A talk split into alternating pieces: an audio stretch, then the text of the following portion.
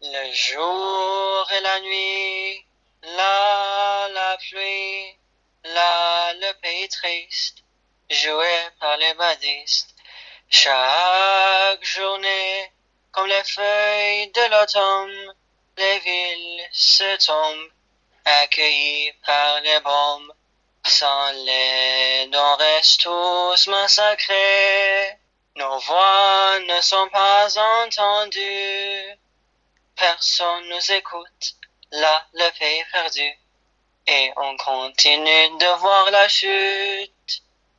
Séparés par les deux ennemis. Mais c'est nous qui devons payer le prix. Oui, notre terre est toute petite, mais nos cœurs sont si grands. Et c'est pour ça que nous sommes tous considérés comme des gagnants.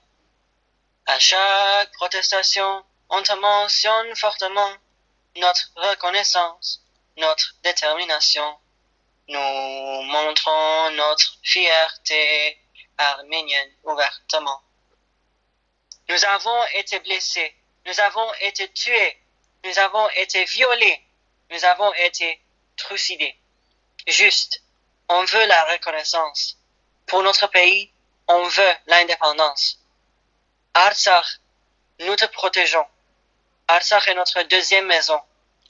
Artsakh est notre château. Artsakh, tu es toujours en nous.